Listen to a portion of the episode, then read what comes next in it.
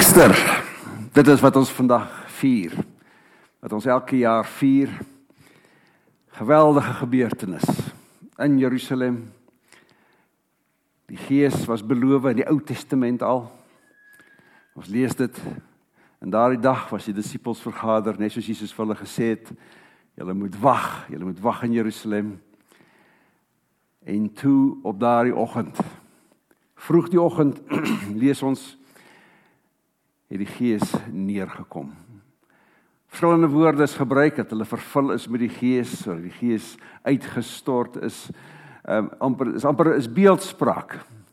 Jy weet die die Gees is nie water wat mense uitstort nie. Uh, die Gees is 'n persoon. Dis is God self. Dit is een van die drie eenheid. Daar het 'n geheimenis op daai dag plaasgevind wat ons tot vandag toe vervul met absolute wonder en in verbasing en vreugde dat God se gees van mense besit geneem het. Dis wat dit beteken. Hy het van mense geheel en al besit geneem. En ons lees daar wat gebeur het van die van die geluid wat die wat in ingekom het in die kamer en die en die vlamme wat op elke wat verdeel het. Uh dit dit lyk asof dit een groot vlam was wat verdeel het in klein vlammetjies en op elke persoon gaan rus het. En dit het hulle hulle hulle hulle tonge aangeraak en hulle die die lof van die Here begin verkondig in verskillende tale en hulle het net eenvoudig die Here verheerlik. En ook lees ons daarvan van Petrus wat hy gedoen het en hy daar 'n preek gelewer wat die stad geskit het. Almal was in verwondering, was in verbasing. 3000 mense kom tot bekering. Daardie Pinksterdag, daardie dag wat die kerk werklik gebore is. So inderdaad is dit ons verjaarsdag, verjaarsdag van die kerk vandag. 2000 jaar later, hier is ons vandag. Uh dis Pinkster. Ons ek wil graag met julle deel wat Jesus gesê het oor Pinkster, oor die koms van die Heilige Gees. Uh hy het met sy disippels gepraat in die bokkamer. Die aand voordat hy gekruisig is. Baie moeilike omstandighede. Hy het geweet wat kom die vyande, die fariseërs, die skrifgeleerdes, die owerpriesters het teen hom saamgesweer. Hulle is reg vir hom. Hulle wil hom elimineer. Dis nie net eers om verban nie of wegjaag nie, hulle wil hom elimineer. Want hy is te veel van 'n bedreiging. Hulle hou net eenvoudig nie van van die waarheid wat hy praat en van waarvoor hy staan nie. En in daai konteks het hulle vir die laaste keer saamgekom en let aangelê. Kyk, ons ons sit aan vir 'n maaltyd. Moenie daar in daai tyd nie. Hulle het aangelê. Hulle het 'n grasmat gehad, 'n klompie kussings gehad. En dan het jy op die een gewoonlik op jou linker uh arm het jy gelê. Jy jy gesteen dan met jou regterhand het jy dan geëet. En almal is nou so om die pot kos, die platbrode wat hulle gehad het en die bakkies met sous en vleis daarin en so het hulle dan saam saam geëet. En terwyl hulle so saam was, die klein groepie uh die disippels saam met ons Here Jesus, het hy met hulle gepraat. En hy het verskeie dinge gedoen. Onder andere, hy het hy het, hy het, hy het aangekondig wie wie die verraaier gaan wees. En dit is dit was dit was was was Judas. Hy het ook die heilige nagmaal ingestel. Hy het iets vir uh, uh, uh, het altyd die maaltyd gehad, die die die Pasga maaltyd. Dit was 'n ou Joodse gebruik sedert wie kan onthou sedert van die tyd van Moses in Egipte. Jy onthou die die die nag toe hulle al die eersgeborenes gesterf het, die wat die wie wie se huise nie bedek was met die bloed nie. Ou so ou gewoonte, ou tradisie en daar was hulle saam en Jesus het daai ou tradisie 'n nuwe 'n nuwe draai gegee die nuwe verbond. En dit is wat die ander skrywers onthou het van die Nuwe Testament, van die van die evangelies. Matteus, Markus en Lukas, hulle het gepraat van die nagmaal, hulle het gepraat van Judas, die die die die die ding wat uitgestaan het. Maar Johannes, ons gaan kyk na Johannes vandag. En Johannes het ander dinge gehoor. Johannes was die fyn besnaarde. Hy was die die diep man. Hy het net na dinge gehoor, hy dinge geluister, hy ding dinge belang gestel wat net anders was as die ander. Dis hoekom die Johannes Evangelie so heeltemal anders is as die ander. En hy het van daai dinge wat daai aand deur Jesus gesê is, terwyl hy daar so rondom die kos lê en hy het met hulle gepraat, het hy dinge onthou deur die krag van die Heilige Gees. Hy herinner later en hy het dit opgeskryf sodat ons vandag in Bergbron weer daarna kan kyk. Maar ek waarsku, dit is moeilike woorde. Dit is nie maklike dinge nie, want hy dinge van die hemel vir ons kom verduidelik. Van dinge van die verhouding tussen die Vader en die Seun en die Seun en die Gees, dinge van die drie eenheid. Het hy daar met hulle oor gepraat. Dinge wat ons tot vandag toe nog nie behoorlik verstaan nie. Daar is al boeke geskryf oor hierdie Johannes. Die biblioteke staan vol. Maar ons verstaan nog so min. So ons gaan net so 'n paar dingetjies probeer uitlig uit Johannes 16. Moenie die Bybel oopmaak nie, ons gaan dit later sal ek die geleentheid gee om dit oop te maak. Ek gaan dit aan u voordra. Ek wil hê u moet na my kyk en dit luister en dit inneem. Ek gaan dit later weer 'n keer voordra sodat ons dit op daai manier dit mooi kan hoor. Onthou Johannes 16. Die disippels was bedroef. En toe sê Jesus vir hulle: Ek sê vir julle die waarheid. Dit is voordelig vir julle dat ek weggaan. Want as ek as ek nie weggaan nie, sal die Gees nie kom nie. Maar as ek weggaan, sal ek hom vir julle stuur. En hy sal vir julle, en hy sal die wêreld oortuig van sonde en van geregtigheid en van oordeel. Van sonde omdat hulle nie in my glo nie van geregtigheid, van wat reg is, omdat ek na die Vader toe gaan en julle my nie meer gaan sien nie. Van oordeel omdat die heerser van hierdie wêreld alreeds veroordeel is. Ek het nog baie meer dinge om vir julle te sê. Maar dit is te veel vir julle om te verwerk. Maar wanneer hy kom, die gees van die waarheid sal hy hulle in die volle waarheid lei. Hy sal nie uit homself praat nie. Hy sal net praat wat hy hoor. En hy sal vir julle die dinge vertel wat gaan kom in die toekoms. En hy gaan my verheerlik. Want hy gaan neem wat van wat ek vir hom gee, wat hy van my ontvang en hy gaan dit aan julle verkondig so sê die woord van die Here. Moeilike woorde. Kom ons kyk na 'n paar gedagtes hierson. Uh eerstens die Heilige Gees, die Parakleet. In die nuwe vertaling, ek het die nuwe vertaling hierson, die 2020 vertaling. Uh hulle gebruik die, die woord Parakleet is eintlik vertaal hierso, Parakleet. Wat beteken Parakleet? Dis die Griekse woord. Parakletos is die Griekse woord in die nuwe Afrikaanse vertaling. Het hom net so oorgebring. Daar staan parakleet. En dit weet dit is vertaal in die ouer vertalings as as helper of advokaat of trooster. Ek dink in 33 53 het trooster. Maar die woord is parakleet. En wat beteken parakleet? Nou ek dink op 'n dag soos vandag is dit baie gepas dat ons net weer eens dink. Wat is dit? Dat die Heilige Gees is die parakleet. Parakleet beteken iemand wat langs jou kom wat jou help, wat jou bystand bied. Dis niks, dit beteken niks niks meer as dit nie. Dis 'n woord wat algemeen gebruik is in daai tyd. Dis iemand wat jou help. Dis iemand wat jou bystand verleen. En dis iemand wat wat dalk voorspraak vir jou doen. Dalk is daar ergens 'n probleem en hy hy soort van 'n middelaar vir jou en hy gaan praat met die ander persoon wat wat omgekrap is met jou. Uh hy is een wat jou bemoedig. Hy is die een wat jou troos. Hy's die een wat jou versorg. Hy's alles. 'n Parakleet is absoluut alles. Dis 'n vriend. Maar is meer as 'n vriend. Weet in die Kimwani kultuur het, het hulle iemand gehad soos 'n muiti. En die muiti is by verskeie geleenthede, verskeie seremonies as hy gebruik. En die muiti is die persoon wat jou hy het gesag oor jou. Hy hy kan jou selfs berispe. Maar hy hy hy bring vir jou kos. Hy bring vir jou uh uh um hy bring vir jou raad. Hy hy is naby jou. Hy slaap saam met jou in dieselfde kamer. Hy hy is altyd net daar. Jy weet gedurende hierdie seremonies wat hulle soms het, soms uh, heidense seremonies waar waarop ons nie nou in te gaan nie.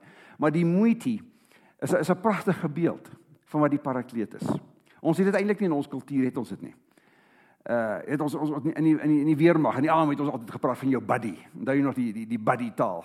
En en iets iets daarvan is daar. Uh maar dit het soveel meer.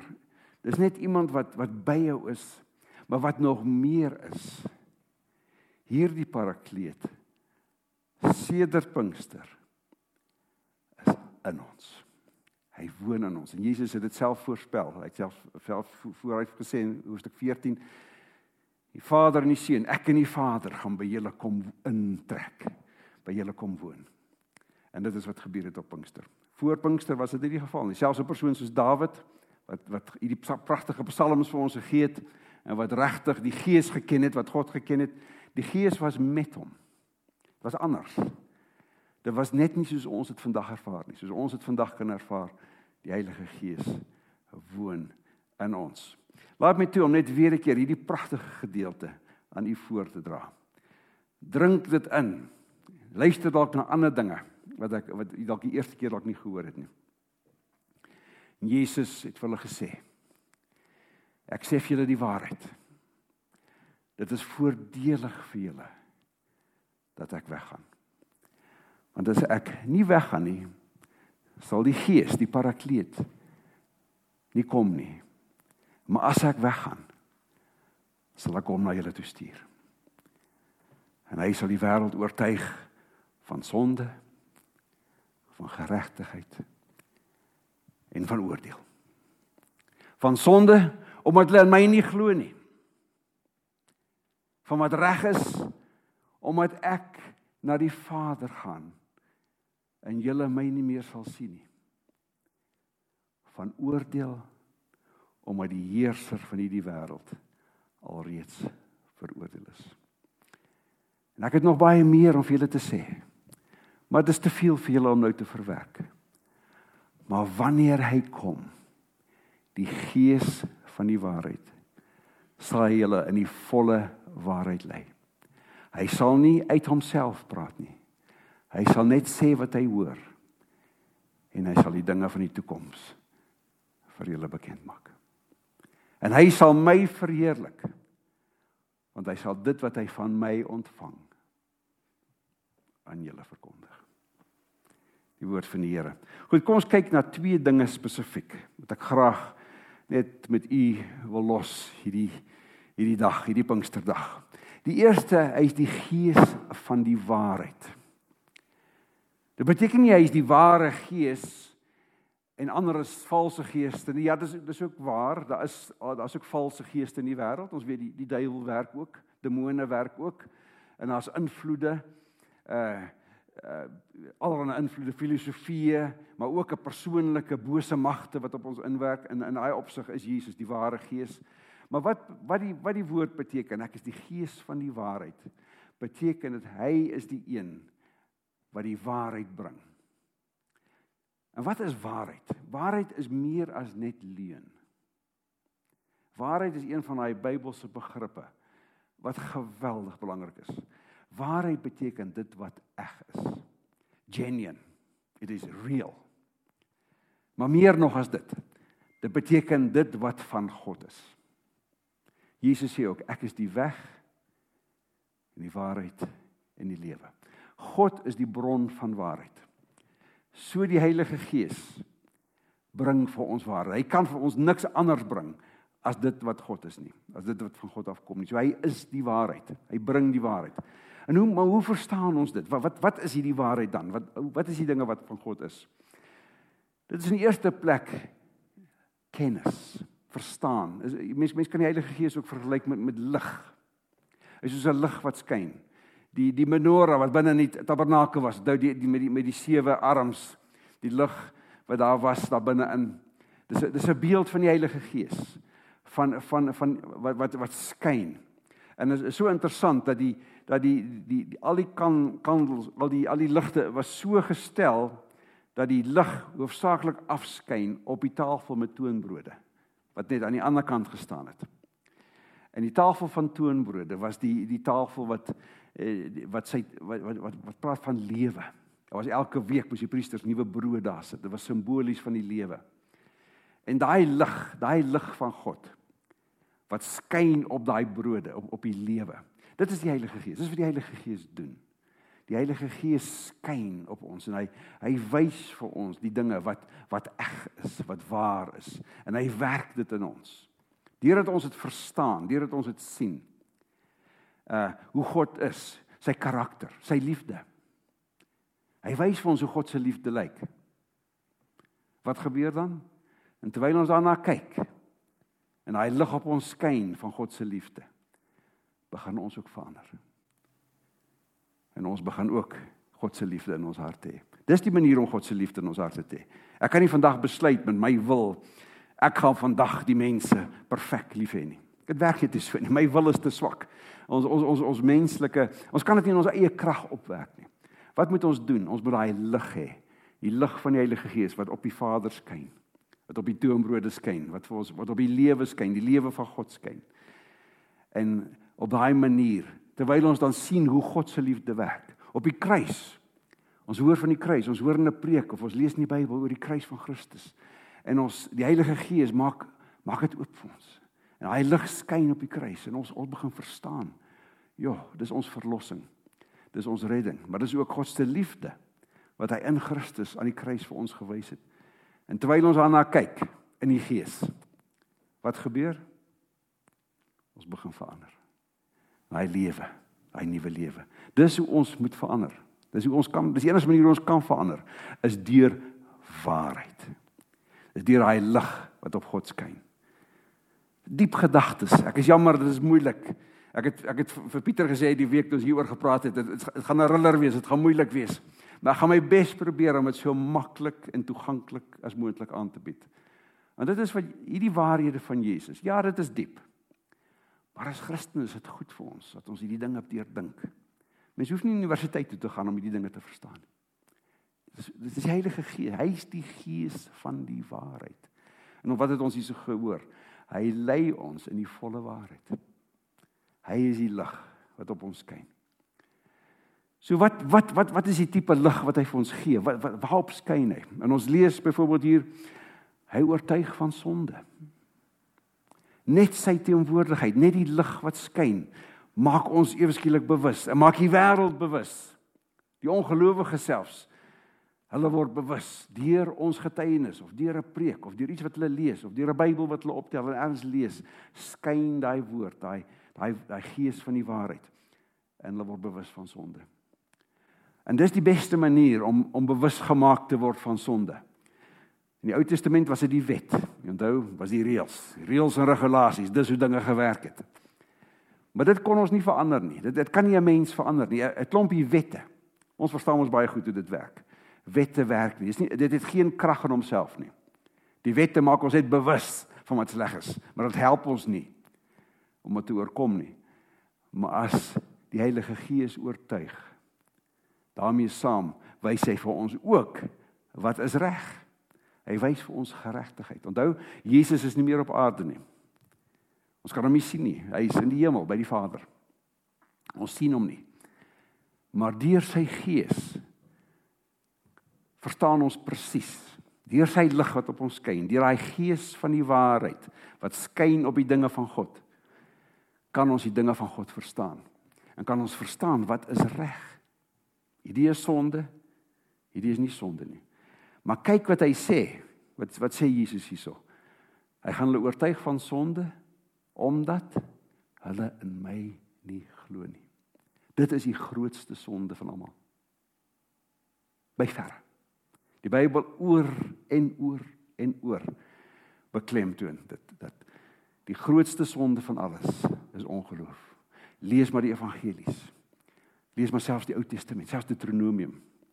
Dit klink so wetties, asof hulle net praat van wette wat hulle moet gehoorsaam en offers wat hulle moet doen, wat in diepste gaan dit oor geloof, geloofsgehoorsaamheid.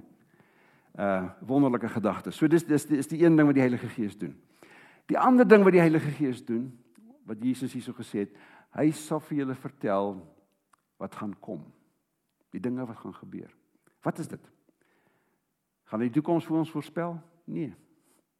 Hy het wel vir ons Openbaring gegee. Jy onthou?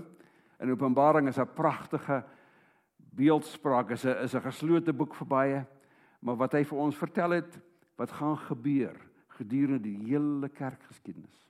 Hy het nie die Openbaring gaan nie oor die laaste klompie jare voordat Jesus terugkom nie. Dit gaan oor die hele kerkgeskiedenis. Die vervolging van sy kerk. Die swaar kry. Die martelaars. Maar ook die mense wat wat vasgebyt het, wat volhard het in die geloof tot aan die einde, totdat die groot veldslag, die geestelike veldslag gaan plaasvind teen die van die magte van die bose wat wat teen die lam oorlog voer. Jy onthou die taal gebruik in in in in Openbaring, die oorlog tussen die tussen die dier en die lam, tussen die draak en die lam. Draak is die duiwel en die en die dier is die is die is die is die geestesmagte, die geestelike invloede, demoniese invloede, die filosofieë wat wat vyandig is teenoor ons Here Jesus Christus. En dit gaan alles op 'n groot klimaktiese veldslag aan die einde kom. En dan kom Jesus terug. Dit word ons voorspel, dis wat die Heilige Gees hiervan praat. Maar hy het ook vir hulle gesê, die Heilige Gees gaan gaan hulle herinner in 'n ander gedeelte hier in in die uh, hoofstuk 14. Hy gaan julle herinner aan alles wat ek vir julle gesê het. So al die leringe wat Jesus vir hulle gegee het, wat hulle dalk vergeet het. Onthou hulle nie, hulle seker nie alles opgeskryf nie. Hy gaan hulle herinner. En waar kry ons dit vandag? Dis vandag alles opgeskryf in die skrif. Hier kry ons hier die Heilige Gees. Die Gees van die waarheid het die het die het die het die skrywers van die Bybel geïnspireer en laat woordeliks vir ons neergeskryf wat God wil hê ons moet weet. Die Gees van die waarheid. Dis hoekom dis hoekom die Bybel so iets so iets belangrik is. Dis hoekom ons dit so so so waardeer. On, ons ons aanbid nie die Bybel nie. Ons aanbid die God van die Bybel.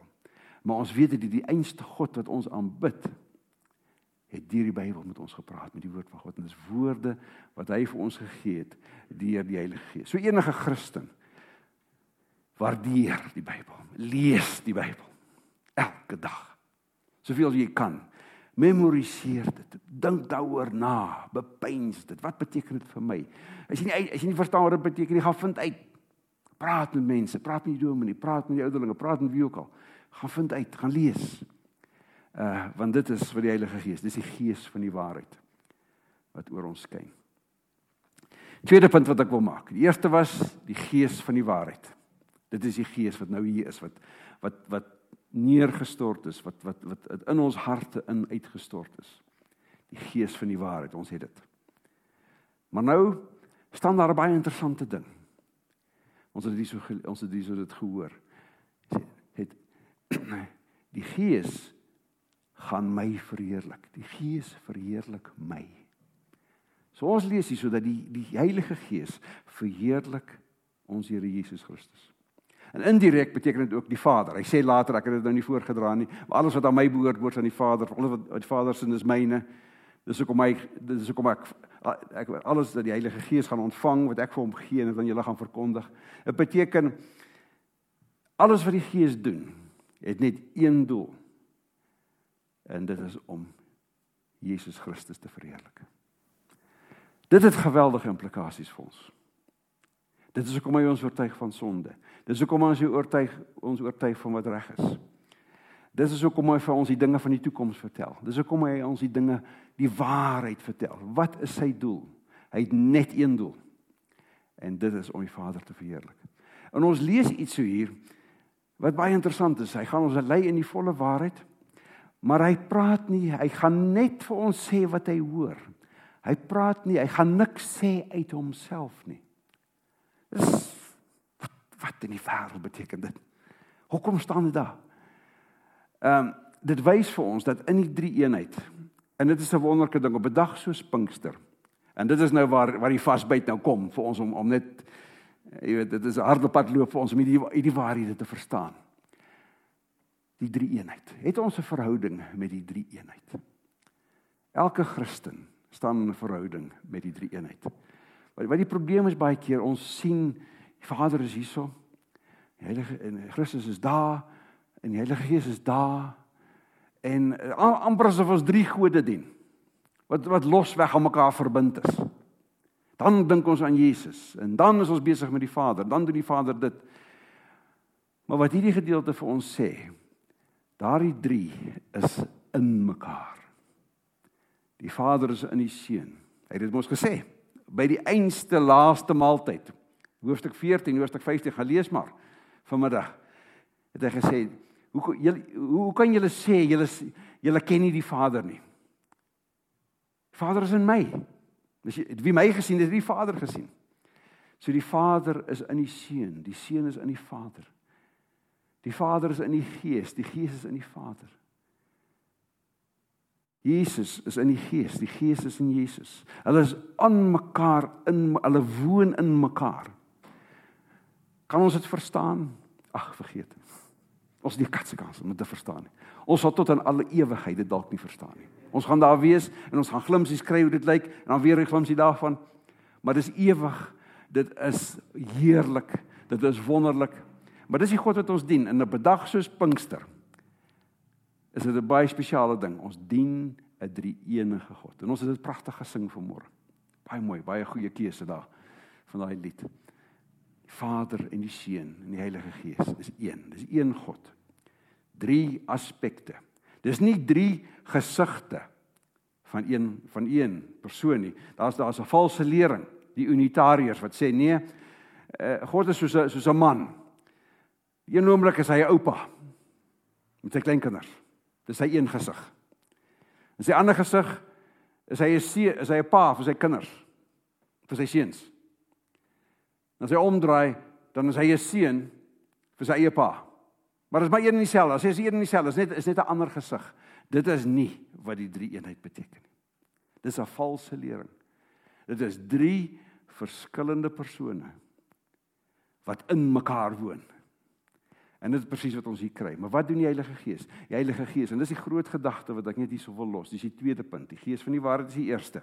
Die tweede een is dat die Gees Christus verheerlik in alles wat hy doen. Alles wat hy vir ons wys. Uh en die, die praktiese implikasies sal ek nou 'n bietjie vir julle uitpak. Maar uh dit is net geweldig belangrik dat ons dit verstaan. Dit gaan om Christus en dit gaan om die Vader. En die Heilige Gees is so nederig. Daar staan dat hy niks uit homself uitsê nie. Hy's God self. Maar hy sê niks uit homself, net dit wat hy hoor, dit wat hy die Vader hoor en dit wat hy Christus hoor sê. Dit sê hy vir ons. Dit gee vir ons iets van 'n beeld van watter tipe God ons dien. Dat een van die persone van die drie eenheid terug staan in die skaduwee En hy is net daar om die ander twee persone te dien. Die teoloog sê die Heilige Gees is amper soos soos die soos 'n liefdesvuur wat tussen die Vader en die Gees beweeg. Hy beweeg van die Vader na die Seun terug na die na die Vader. Hoe hoe dit werk. Geweldige geheimenisse. Maar hier staan, ons lees dit vandag. Die Heilige Gees wat hy ook al doen is om die Vader te verheerlik. En dit beteken dat ons daai gees in ons het. Die gees wat in ons is, wat doen daai gees? Daai gees doen net een ding. Is besig om die Vader te verheerlik. So as die Heilige Gees ons oortuig van sonde, of as die Heilige Gees ons oortuig van wat reg is, asof die Heilige Gees ons iets duidelik maak uit sy woord, asof asof die vlam van die liefde van die Here deur die Gees in ons wakker gemaak word, dit het net een doel. En dit is om Christus te verheerlik, om groot te maak. En dit dit dit het 'n praktiese implikasie vir alles wat ons doen. Ons daaglikse lewe. As ek in die oggend opstaan, kan ek sê Here, laat U Gees my lei in die waarheid, in die volle waarheid. En daai waarheid kan ek hierso kry in die Bybel. En daai daai waarheid lewe al in my. Uh, maar ek kan ook sê, Here, alles wat ek doen en sê vandag met U Gees wat in my is, weet ek dit sal tot U eer wees. Dit is hoe ons tot die eer van die Here kan lewe, om vol van die Heilige Gees te wees. Amen.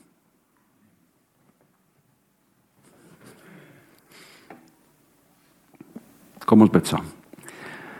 Ons Hemelse Vader, ons dankie vir u woord.